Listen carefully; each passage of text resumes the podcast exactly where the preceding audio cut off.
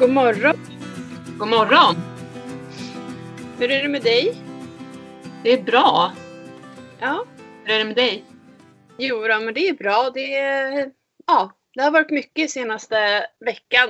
Så ja, nu är det ny vecka och jag tänker att nu liksom nu kör vi på och ser om det blir lika mycket den här veckan. Det ser inte ut så i schemat än så länge, men man vet aldrig.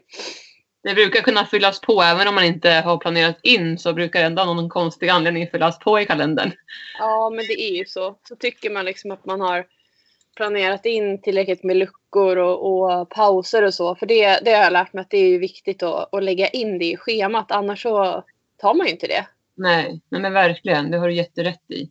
Och det är ju viktigt med återhämtningen så att man inte bara kör på fullt race. För att då är det faktiskt lätt att gå in i den där berömda väggen som många pratar om. Det är återhämtningen som är viktig för alla människor. Och det kan man ju göra på olika sätt. Liksom. Det här med att hitta återhämtning ju förstås. Ja. Och jag, jag har em, haft, den här veckan som har varit så har det varit väldigt många dagar då jag har eh, varit ute i stallet eller liksom jobbat till sent så att jag har kommit hem kanske eh, halv nio, nio, halv tio någon dag också på kvällen och så ska man liksom äta middag och så finns det typ ingen tid att hinna landa och liksom, jag tycker om att sätta mig i soffan och typ ta det lugnt och få lite återhämtning men det var tre dagar i rad som jag inte kunde det och det kände jag liksom att det här det blir jobbigt.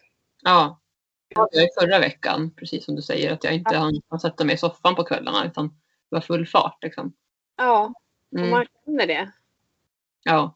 Mm, ja, så det, jag har faktiskt känt att jag blivit lite rörig i huvudet. Liksom, att jag har glömt eh, vissa saker. Ehm, eller liksom, jag vet inte, jag bara kör på.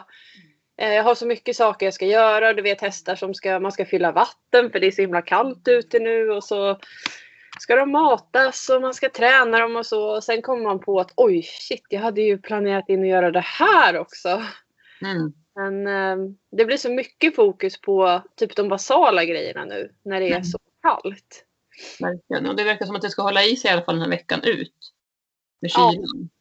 Det har ju varit väldigt kallt. Jag kan säga våran elräkning, där vi märktes att det har varit kallt nu. Ja.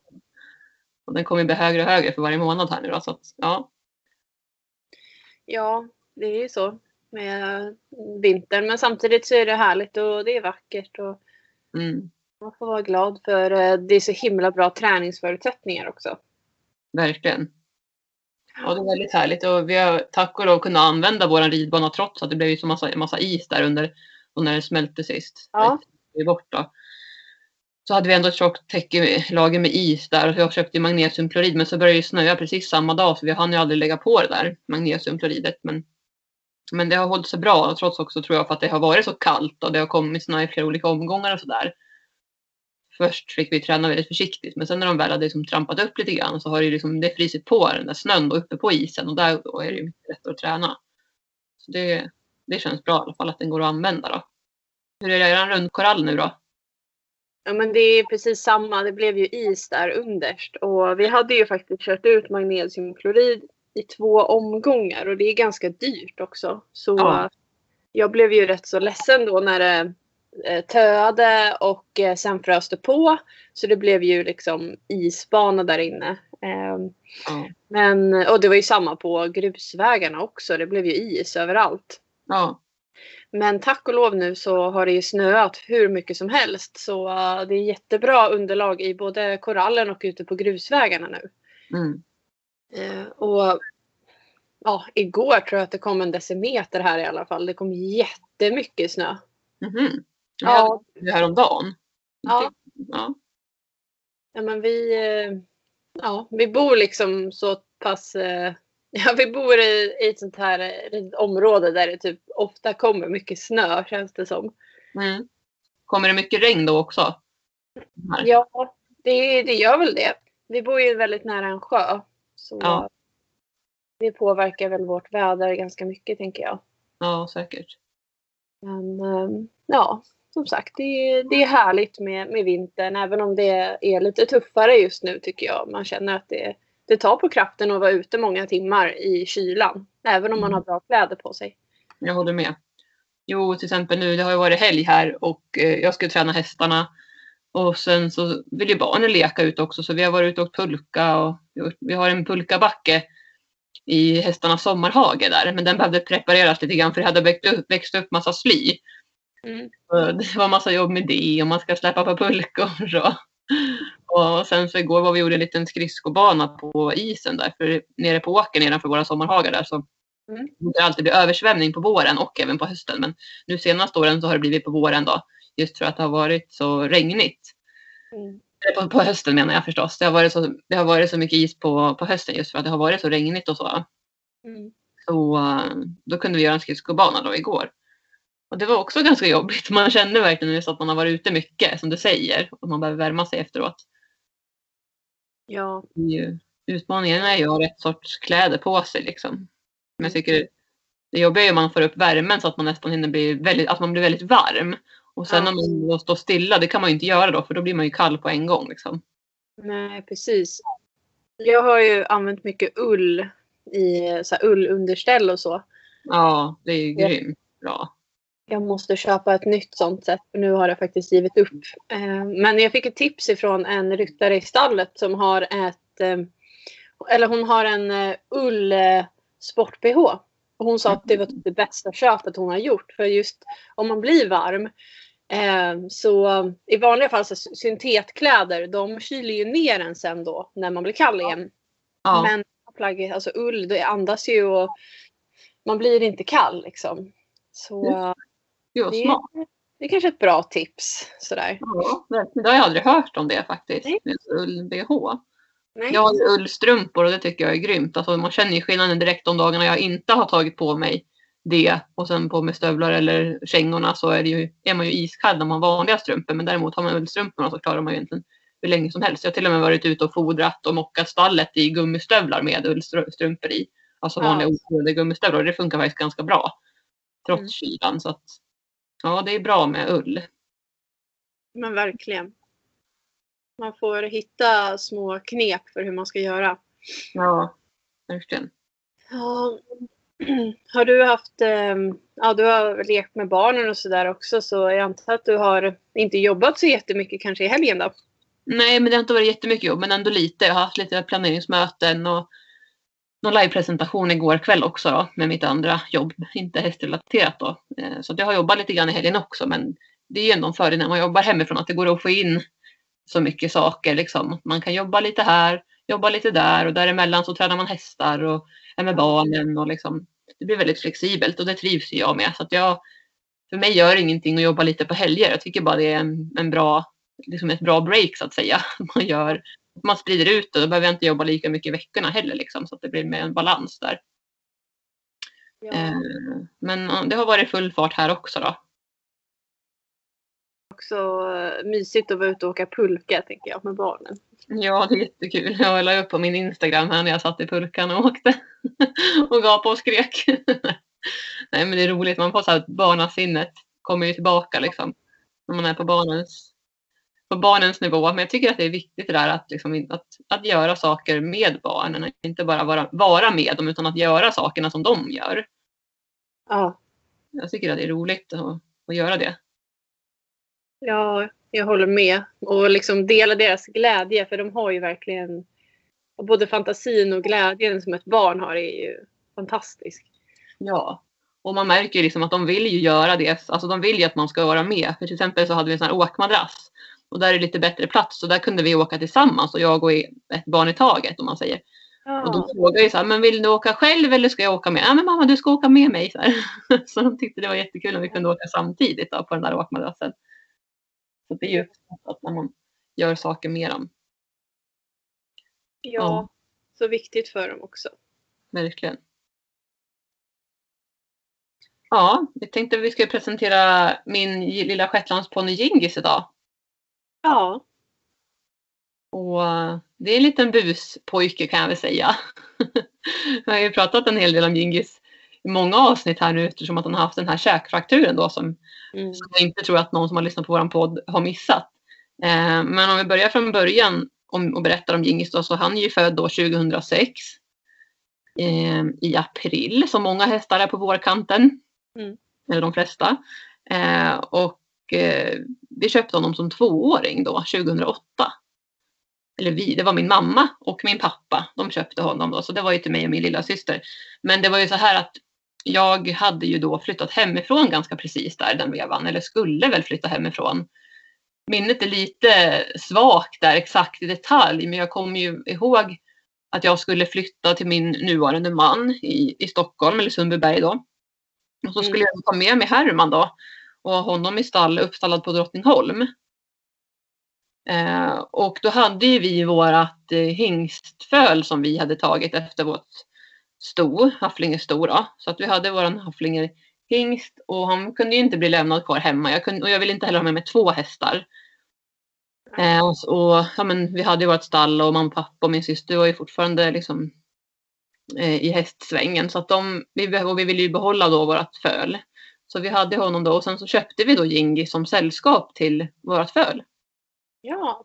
Eh, för vi sålde ju sen då också mamman till fölet just för att vi skulle, när vi skulle vänja av honom då så sålde vi mamman och behöll, behöll fölet. Så då köpte vi Jingi som sällskap.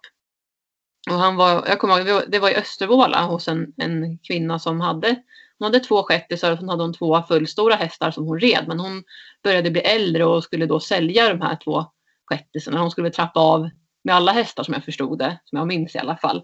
Så då stod mellan Gingis och sen så stod det mellan ett, ett annat, eh, en annan shettis, en svart shettis.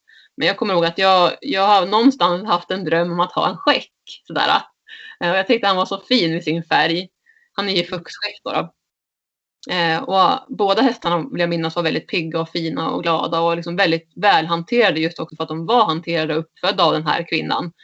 Eh, han hade tömkört mycket. Sen vet jag också att det var barn som hade varit i stallet och löshoppat och, och det märks ju för den, den, den kunskapen hade ju han redan när han kom till oss. Även om han var så pass liten liksom, så hade ju han löshoppat mycket och så.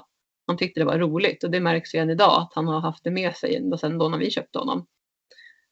Men han var mycket tränad från marken, tömkörd och, och så. Då. Eh, så då kom han hem där till, till min mamma och pappa och eh, jag har ju inte jättemycket minne för det här var ju som sagt den vevan jag flyttade från liksom hemifrån. Så att eh, jag var ju själv inte jättemycket med Djingis där och då så där, men man åkte och hälsade på på helgerna och den biten då. Eh, och sen så blev jag uppsagd då från mitt jobb där när jag hade flyttat till Stockholm. Och då, jag hade ju Herman där ungefär på Drottningholm någon månad, eller något år var det, knappt något år. För att då blev jag uppsagd och då skulle jag bara plugga. Då blev det för dyrt att ha Herman uppstallad då. Så då fick jag han flytta tillbaka hem igen. Och då hade ju mamma, pappa och min syster, då hade ju de tre hästar att ha Herman och sen vårat hingstföl då, vår andra hafflingar och sen så Gingis. Mm. Eh, och sen så var det så att sen 2010, det gick ett par år där, då flyttade jag och min man till gården där vi bor nu. Så det är ju snart 11 år nu. I sommar har jag bott här i 11 år. Och då flyttade jag ju med både Herman och Gingis och hingstfölet han sålde vi, måste jag tänka när det var, men det var kanske något år innan eller så då, eh, har jag för mig vi hade inte, de hade inte tid liksom. Och i och med att inte jag fanns hemma heller och så hade de inte tid med tre hästar. Det var så mycket jobb också med en ung häst. Um, så vad heter det, så på den vägen. Och så, sen dess har ju Gingis bott här hemma hos oss då, sedan 2010. Och det jag också ska säga med Gingis var att han fick ju eksem. Alltså när vi, när vi köpte honom på, måste tänka, det måste varit ganska tidig vår tror jag. Eller om det var på, jag kommer inte ihåg exakt 2008 men i alla fall på sommaren. Då utvecklade han, eller då, då fick ju han sin första eksem. Och när vi pratade med uppfödaren så sa ju hon att nej men han har inte haft något problem med det här hos mig. Sen kan ju inte vi veta det säkert om han hade visat något tecken på det innan. Men han såg ju väldigt fin ut då i alla fall i man och svans. Så det var inga konstigheter liksom. Men hos oss då så fick han eksem. Och eh, det var ju inte roligt alls det är svårt det där. Jag tror att många har ju erfarenheten av det här med eksem. Det är inte, en, det är inte lätt liksom, hur man ska göra. Framförallt för oss var det första gången och med, med den upplevelsen. Så att vi blev ju väldigt så här, hur ska vi göra och vad, vad, är det, vad ska man använda och så vidare. Eh, men jag har använt täcke på honom då. Smörjt in honom med diverse saker och testat massa olika saker kan jag säga. Typ allt som finns som har rekommenderats ska jag säga. Då. Eh, han har blivit bättre med åren. Och det är ju mycket, det kan vi prata om i ett annat avsnitt för det blir så mycket. Det ska man kunna prata bara om det här med eksem och Mm. foder och hur man sköter den biten. Eh, Men han har blivit mycket, mycket bättre. Men det jag kan säga i alla fall, han behöver ju gå med täcke från tidig, alltså tidig vår, någonstans runt 5-6 plusgrader. För det är då insekterna börjar kläckas. För han, har ju då, han är känslig mot, mot insektsbetten. Och det är egentligen inte bettet i sig utan det är salivet från insekterna, från knott och mygg. Eh, som han är känslig mot. Det är oftast det som, som det är. Det är inte bettet i sig utan det är just saliven.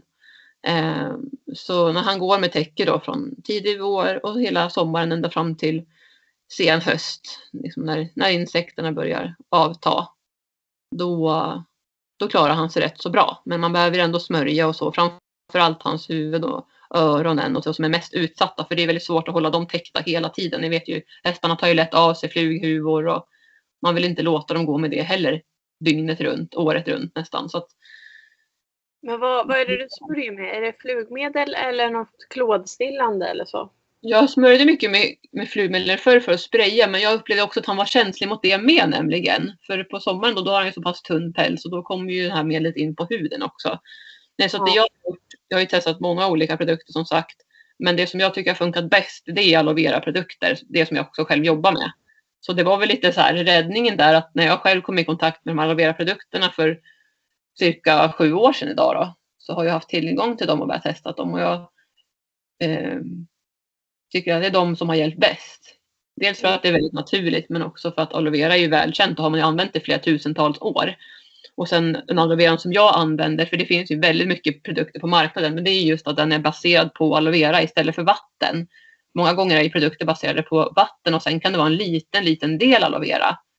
Men det Mm. ju också med just produkter i att man får skriva vad man vill på framsidan på en förpackning. Det gäller inte bara aloe vera-produkter utan alla produkter egentligen. Så kan det stå 100% det här och det här, alltså det, det man vill lyfta i produkten. Men det är ju ingrediensförteckningen som säger sanningen. Där enligt lagstiftning måste man ju skriva ut innehållet.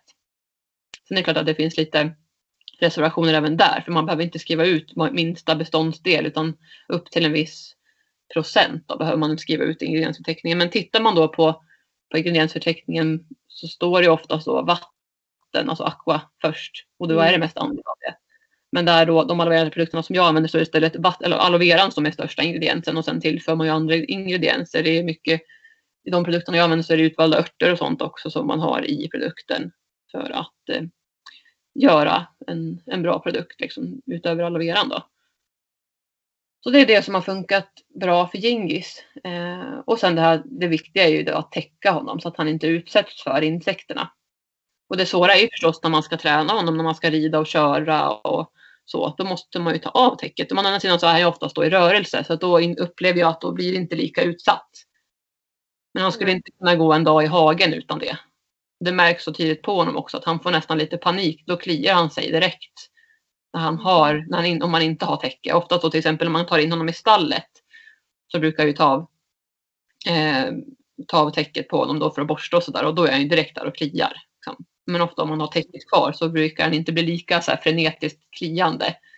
Utan då, då känner han sig lite lugnare. Liksom. Så det är liksom en jobbbit som jag har fått haft dras med ända sedan vi köpte honom egentligen. Då. Så jag, har, jag ska säga, jag vet precis att du sa ju också att du hade skrivit en annons eh, om, visst var det med Orus va? Berätta. Ja. Och jag gjorde ju samma med Gingis. Jag, jag tror att jag har gjort det ett par gånger, liksom började skriva på en annons, tog foton och gjorde honom fin. Och tänkte att men nu, nu orkar jag inte med det här längre. Nu, nu säljer jag honom. Det, är liksom, är det värt det här jobbet som man lägger på honom att ta hand om honom? Men sen så fick jag så dåligt samvete och kände att nej, alltså, jag vet, jag vet ju att shettisar är det oftast vandringspokale. De får flytta runt mycket. Och just det här att men jag kan ju inte veta om den som köper honom kommer sköta om honom. Det kanske blir att, han, att det går ut för att han inte blir omhändertagen på rätt sätt och får rätt hjälp för sin eksem. Så jag kände bara att nej, jag kan inte sälja honom. Jag, jag älskar honom för mycket för det. Ja. Eh, och jag är ju jätteglad idag att jag inte har gjort det. För vi har ju verkligen kämpat igenom oss mycket saker. Och han är en jätte, jättefantastisk häst på många sätt. Han är arbetsvillig och, och positiv till det mesta. Även om han är en väldigt envis häst så, Mm. så, så är han jättefin och, och perfekt barnhäst skulle jag säga. På den, om man är en vuxen som är med. Och det tycker jag alltid så gäller det med alla hästar tycker jag att man ska alltid ha en vuxen. För det mår också hästen bäst av. För att det, vi, men, vi vuxna är mer tydliga oftast än barnen. Så att, nej, men så att vi, vi har haft en ganska tuff resa. Han har gått upp och ner. Och sommaren 2019 tror jag att det var va? Ja, precis. Eh, då fick ju han sitt första fånganfall. Just det. Eh, och det tror jag inte att vi har pratat om i, i podden. Det kan jag kanske jag har nämnt det bara. Så här, men, Jag tror att du har nämnt det någon gång bara. ja, Ja och det, det var ju så att de, jag släppte dem, jag vande in dem i bete som man alltid gör och sen så fick de gå där, de hann gå en vecka på betet ungefär och sen när jag skulle hämta hem honom, om det var att vi skulle ha någon ridlektion eller vad det var, jag minns inte. Eller ja, vi skulle ju bara ta hem dem ändå, för jag skulle kanske rida på Herman eller vad det var. Då, då, då hade han svårt att gå först så här. Han liksom stapplade. Eh, och jag tänkte han kanske har skadat sig i hagen tänkte jag sådär. Han har sträckt sig eller någonting. Alltså det var inte att han var jättehalt utan det var så här lite, man såg att det var liksom någonting så här, lite ömt. Eh, och det här var dagen innan. Sen så fick de gå tillbaka på betet igen. Eh, och sen dagen efter då låg han i hagen. Inte så, och så fick jag, hade jag svårt att resa honom. Och då var det jättetydligt för då, vi har ju, det är en liten så här grusväg med gräs i mitten och på kanterna då till och från sommarhagen. Det tar ungefär ja, några minuter att gå, fem, sex, sju minuter att gå från hagen till stallet. Men då var det så tydligt att han, alltså han hade så ont. Han var så öm i hovarna och han stapplade och han ville bara gå på gräset de få stegen han ville ta. Men jag fick ju honom till stallet då. Eh, men han ville verkligen gå på kanten.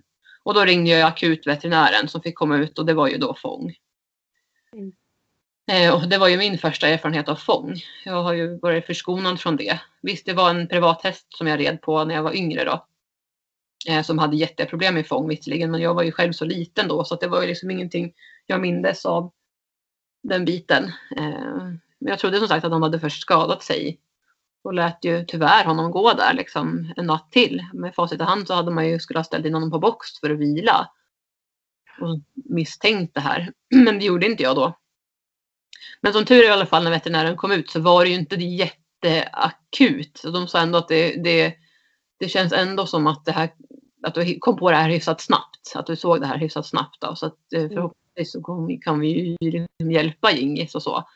Men det var ju verkligen så här boxvila två veckor, Metacam och ja, det var också en tuff period. Ja, men han svarade jättebra på behandlingen och han var ju han var ju inte glad att stå i box kan jag säga. Han ville nästan hoppa över boxväggen och han ville bara ut. Och det vet väl alla som har haft häst någon gång på box att de flesta hästarna gillar ju inte att stå på box så länge som två veckor. Liksom. Det är en ganska lång tid. Om inte hästen har skadat ben eller så att de har liksom ont och inte knappt kan gå, då är det ju en annan sak. Men just om de ändå är hyfsat pigga så trivs de ju inte där.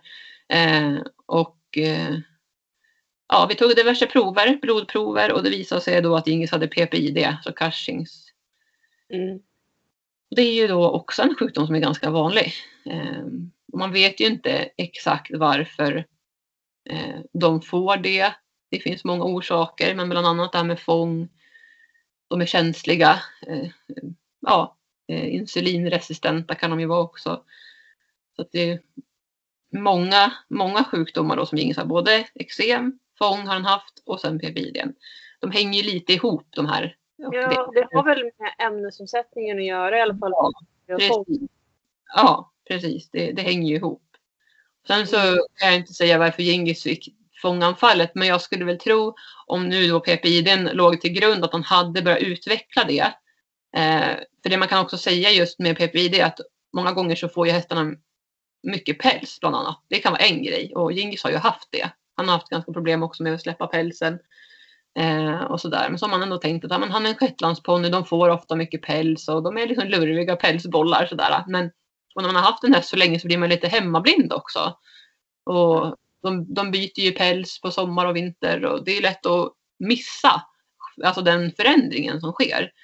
Eh, sen där kan man också märka med prestationen att de blir mera nedsatta prestationsmässigt. Men det tänkte jag också att han är en ganska egensinnig häst och han rids mycket av barn så det kan ju vara den här envisheten som kickar igång ibland. Men det kan ju då istället vara den här PPI som gör ibland att han blir lite envisa hästen som inte vill gå fram och som ja, som gör saker när det passar honom. Det var lite det jag tänkte. Men, men det kan ju mycket också vara den här äh, PPI som ställer till det. Och fång då som följd. Eh, sen tror jag också så här att det var ju sommaren innan där, måste det vara, va? 2018. Det var ju då vi hade den här enorma torkan. Eh, som drabbade hela Sverige. Och det tror jag också gjorde ju sen att gräset året efter blev ju väldigt kraftigt för att det regnade ju mycket och det var liksom det var ju en helt annan sommar som kom året efter. Det var ju nästan tvärtom. Så att det var för mycket mat. Och det tror jag var den här orsaken också som gjorde att han råkade ut för den här fånganfallet. Då. Det tror jag också. För jag hörde eh, andra som också fick problem med fångrelaterade mm. sjukdomar. Eh, just det året efter. Ja. Och jag tror att det hade mycket med, det blev konstigt med fodret. Ja, jag tror också det. Ja. Det är lätt att vara efterklok. Men, men jag har ju lärt mig mycket med det här. Att mm. verkligen så här, tänka till lite extra. Um, ja, så, så inget ont som inte får något gott med sig får man väl säga. Och idag så mår ju Ingis bra. Han har ju aldrig fått några mer fånganfall. Eh, så han har ju mått bra. Men däremot har han inte fått gått på bete något mer. Nej. Förra sommaren så var det inget bete och så. Med veterinären så sa vi att nej men det är dumt att släppa honom som på det. Men ni får väl se i framtiden. Men jag känner att det finns, det är dumt att ta den risken. Och skulle han i så fall sen få gå på bete så får det bli en liten hage eh, där, där då de andra hästarna får beta av först. Så att inte han får gå direkt på det liksom. Kraftigt. Så man var extra noga med ännu mer invändning och så. Han är en, en shettis som är i väldigt fin form får man ju säga. Han är ju ja. alltså inte en väldigt överviktig eh, liten ponny som man brukar kunna se många gånger med shettisar som inte alltid används så mycket. Men mm. Gingis, mm. han är ju, håller ju igång och tränar och ja, men han ser ju liksom fin ut tycker jag. Ja, men där säger du en viktig sak faktiskt. För att det har ju veterinärer så också sagt om honom att han, att han är väldigt liksom, finlämmad för att vara shettis. Och det där är ju också då annars en orsak, kan ju vara en orsak till att de får fång och så vidare för att de är överviktiga. Den här fettnacken som man pratar om också, den här fettansamlingen som de kan ha i mankammen brukar man kunna se tecken på om hästarna har det. Och det är inte bara shettisar utan egentligen alla hästar kan ju få den. Så det är en bra grej att hålla koll på. Eh, för att öka de risken. Däremot så har jag tittat tillbaka till bilder på bilder och sådär på Djingis och han var ju vid ett tillfälle, eller ganska, inte så långt tillbaka, så var han ganska överviktig. Alltså han var ganska stor liksom. Och en helt annan, han är en helt annan shettis nu. Men jag skulle nog säga att det har att göra med det här fånget, att han har inte fått gått på bete i samma utsträckning och att han tränas väldigt mycket mer de här senaste åren sedan han började gå i verksamheten också med ridlektioner och hästskötarkurser och så. Så det har ju liksom fått honom lite mer finlämmad skulle jag säga. Eh, och sen fick han ju då tyvärr den här käkfrakturen nu då i, i höstas kan man väl säga. Det var i september 2020. Eh, som också satte sina spår. Men nu, nu börjar han verkligen få upp hull och tycker jag, nu börjar han bli riktigt fin. Och sen det här med, som vi har pratat om också tidigare avsnitt så har han ju haft förmodligen magsår eller har magsår som han får behandling för just nu. Vi är ungefär i mitten på behandlingen kan man säga. Håller på att fasa ut och minska ner då på på Gastrogarden nu då. Eh, och han har ju blivit superpigg. Jag tror jag aldrig har sett Jingi så här pigg som han är nu faktiskt. Oj. det kan vara en kombination att han är mycket mer finlämmad och att han också har fått hjälp med inte ont i magen längre. Så det är roligt att se att han verkligen har blivit sitt rätta jag igen. Ja, och han, eh, det är härligt också för han och Herman är ju så så nära varandra. De har ju gått tillsammans alltså nästan hela livet då. Ja, det är ju, alltså tänka det är 12 år. Ja, det blir 13 mm. år i, i vår här nu då. Mm. Som de har gått tillsammans. Så det är många år verkligen. Ja. Tiden går så himla snabbt. Men det jag kan säga där med Gingis, han är ju den här egensinniga hästen. Han, dels skulle jag säga att han är ganska mycket ensam häst. Sådär. Han gillar inte för mycket andra hästar. Alltså han kan tycka att Herman är jobbig. Alltså så här, han, han, skulle, han skulle inte ha några problem egentligen att gå själv i en hage. För han kan tycka att Herman är för på ibland. Om Herman vill busa. Och, Ingis han säger liksom ifrån. Och han gör ju likadant på oss människor. Han kan vara lite nafsig ibland. Om man är för framfusig som person. Eller att man som, och det kan han göra mot mig också. Om jag är så här för på och ska typ krama honom och så här, nej, men då kan han liksom nafsa till. Och, men däremot när det med honom lite långsamt då är han väldigt gosig och snäll. Så man måste verkligen, han är väldigt tydlig med liksom sin, vad säger man, zon, alltså sin frihetszon runt honom. Att här är mitt space, du håller dig på din kant, här är jag liksom, kom inte för nära. Man får liksom fråga så här, får jag komma? Ja, men verkligen. Han är sån. Eh, och det märks också, också så tydligt med barnen som är här och sköter honom. De barnen som är mer nybörjare och sådär, eller de som är lite mera eh, på energiska, de kan han ha lite svårare med. Medan de som är lugna och kan ta sig tid och borsta och som håller lite avstånd, det, det, det tycker jag han är som bäst om. Det märks väldigt tydligt hur han är i sitt sätt. Um, så man kan lära väldigt mycket av honom ska jag säga. Han är ju en jättefin barnhäst när man sköter och rider. Han gör ju aldrig dumma saker. Men däremot nackdelen är att han kan vara lite nafsig och väldigt dominant. Och då ja. kan ju barn lätt, lätt bli rädda och också backa undan. Så att där har vi mycket den här ledarskapsbiten då på ridlektioner och hästskötarkurser. Att lära sig hur ska man, hur ska man, hur ska man hantera hästen? Hur, hur gör man för att vara en bra kompis med dem och som de vill följa och vara med? Um, så ja, det, det är roligt med Gingis att man, man får lära sig så mycket. Och det smidiga, jag tycker det är så smidigt med honom också att han är liten format. Så han är så lätthanterlig när man är vuxen. Ja. Man når över på andra sidan, man behöver inte gå runt. Nej. han är lätt när vi har åkt till veterinärer och så lastat och så han är så smidig liksom att få in i släpet och åka med. Och han äter inte lika mycket mat som de stora hästarna gör och han är väldigt, han är rolig så. Ja. Ja, men han, är, han verkar ju vara väldigt charmig och personlig tycker jag. Ja, det är han verkligen. Mycket häst i ett litet format. Ja.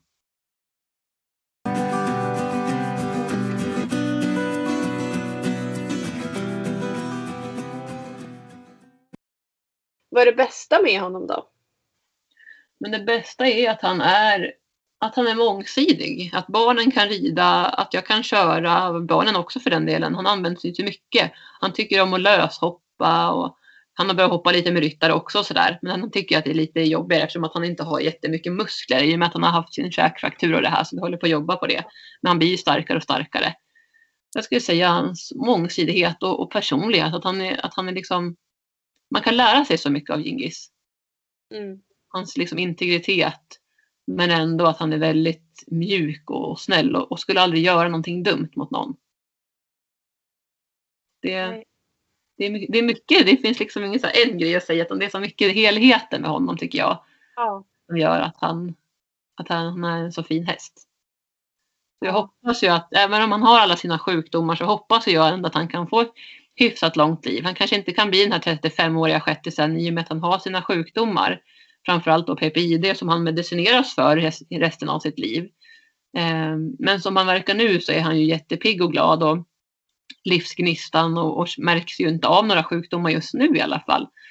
Ehm, så att eh, jag hoppas att han får leva länge och att mina, min dotter, då, hon är ju ett år, jag hoppas att hon också ska bli lite hästintresserad och då är planen också att hon ska få rida Gingis och köra och vara med honom. Så det hoppas jag verkligen.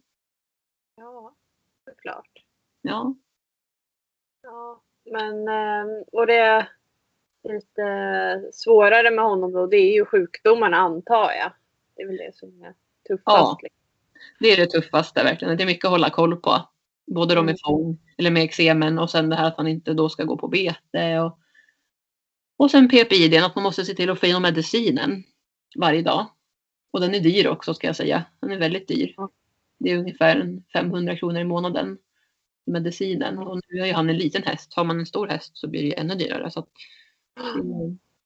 ja, det har sina utmaningar med ja. Men vad gör man inte? Så länge det inte är liksom så här katastrof att man inte ser att de kan få ett värdigt liv. Nej. Så måste man ju hjälpa och göra det, det man kan för dem. Det, det, tar mycket, det är mycket planering.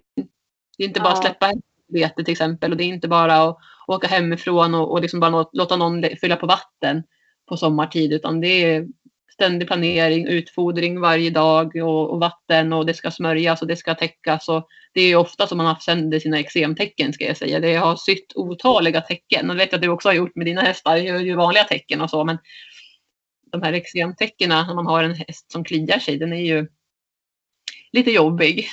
Ja, kan jag tänka ja. mig. Ja, framförallt också när han gick i sin sommarhage där det var mycket träd och det var ju som en stor naturhage. Där, var ju, där kunde han ju klia sig på allt möjligt, liksom alla träd och så. Nu har han lite mindre med sånt i, i sin hage där han går nu då. Men eh, ja, det, det är en utmaning. Men eh, det med käkfrakturen och så nu, är, har ni något mer återbesök eller är det liksom förhoppningsvis avklarat kapitel nu? Nej, vi har inte bokat något mer besök utan det känns som att det är avklarat. Men det gäller fortsatt att hålla koll ändå på hans mun och hur han äter och, och sådär. Eh, så det blir ju årliga tandkoller liksom och se så att det funkar bra och jag håller utkik efter den, efter den här. För han är ju fortfarande lite svullen och det är ju förmodligen, det blir någon broskbildning eller vad man kallar det för efter den här frakturen. Så den kommer han att få leva med. Men det säger veterinären att det är ingenting som ska påverka honom att han har det. Utan det, liksom ja, det är inget, inget störande egentligen. Nej. Eh, sen får man bara hålla lite koll om, för det här, alltså, i, när man ändå haft en fraktur, det sa veterinären till mig som själv hade haft en fraktur i sin arm. Han sa att sen jag fick den sa han så, så har jag blivit lite mer förstående kring det här med frakturer, att det kan faktiskt komma och gå lite grann med smärta och så, att det kan vara ilningar och grejer som, som ställer till det. Så att man får ju ha lite koll. Jag har ju märkt ibland, vissa dagar så är han, äter han sitt hö också lite långsamt. Eh, och vissa dagar lite bättre. Jag tänker också att det kan ha att göra med det. Då. Mm. Eh, men han äter ju mycket mer sakta liksom nu sen han fick den här frakturen. Även om han är en shettis som äter sakta så, så är han mer långsam nu då. Och det kan ju ha med sådana saker att göra. Så att vi får se om det blir någon mer, något mer besök. Men som det är nu så är han så pigg och äter och rör på sig så att ser jag inte att det finns något behov. Så det är skönt att det har läkt ihop bra. Ja, verkligen. Nu tycker jag att Ingis kan få må bra en längre period här utan något bakslag. Ja, verkligen. Det håller jag med om. Och vad, vad tror du är det bästa som han vet? Är det något särskilt som är så här, ja men det här älskar Gingis? Han älskar godis. Ja. alltså direkt om man misstänker att jag har någon godis eller någonting. Det är liksom öronen framåt och Ja, då är det, och han gnäggar och liksom så här. Så himla gullig. Han kan verkligen gnägga i stallet så här, när han hör att man kommer med någon mat eller någonting. Ja. Han är riktigt så här gottegris. Ja. Även om man inte får det ofta så får han ju det ibland. Och så. Jag har nämnt också tidigare så har han börjat få det som en liten motivationshöjare när vi till exempel ska träna på ridbanan och så. Som han inte tycker är lika roligt. Nej men han gillar ju det här med uteritter och vara ute utomhus och gå i skog och mark. Och det tycker han är roligt. Uteritter och godis, det låter som en bra kombination. Ja, eller hur? Men, uh, han, han verkar vara en uh, livsnjutare. Ja, men det får man säga att han är. Ja. Och blir lite bortskämd här också. Har ni några frågor om, om Gingis eller om rasen, shetlandsponnyn, så, så är det bara att ställa frågor. För det är jättekul när ni kommer in med frågor och, och så, så vi kan svara på det. Mm. Och även tänker jag, du kan ju ganska mycket om de här sjukdomarna som han har också. ja, absolut. Det kan man ju fråga dig om, om man har frågor om det. Verkligen. Det är, det är bara jättebra och jag har ju själv varit ny, om man säger på området också, eller liksom ja, alltså man tagit hjälp av andra så där så man har lärt sig saker. Så att det, det finns ju mycket att säga där och det finns mycket man kan göra. Sen är det lite också hur man är som person förstås. Har man en häst med sjukdomar så måste man först och främst också ta ställning till om jag orkar det här. Är jag beredd att göra det här som krävs? Mm. Samtidigt så har vi ett ansvar också. Det är inte bara heller att göra det lätta, eller lätta, men alltså göra det att sälja hästen och tänka att man blir av med problemet. Man måste ändå tänka på att hästen finns ju kvar där och kommer fortsatt behöva hjälp av någon annan då. Så att det är ju beredd, då måste man hitta någon som är i så fall beredd och ha kunskaper om att göra det. Eh, det är det första jag kan säga. Jag tror aldrig att jag kommer sälja Gingis Just för att jag vågar. Jag vill inte liksom riskera att det händer honom någonting, att han inte får den hjälpen han behöver. Eh, så jag känner att jag har, jag har en gång köpt honom och då får han vara här. I så fall tills den dagen när han inte i så fall klarar av att leva längre. Då får man ju göra det beslutet om veterinären säger att det är någonting som behövs framöver. Eh, så, så tänker jag i alla fall. Men det finns mycket man kan göra. Ja. både fång och eksem och PPID och så. Ja, det är ändå skönt att de följer typ samma tema där med ämnesomsättningen. För att då kan ju du påverka väldigt mycket när det gäller typ kost och träning. Mm. Och det är det du säger där. Kosten och träningen är ju de viktigaste sakerna. Mm. Mm. Ja, Jag så då för den, här, för den här veckan. ja, det gör vi. Så får vi eh, se vilken häst det blir eh, nästa gång. Ja, det blir spännande. Ja. Så får vi väl önska alla en eh, jättefin fredag när avsnittet släpps. Och en härlig helg. Och det blir ju alla hjärtans dag där på söndagen kom jag på. Just det, det stämmer. Så eh, jättefin och glad alla hjärtans dag får ni ha. Verkligen. Ja. Ha det så bra. Ha det så bra alla. Kram, kram. Kram, kram. Hej då!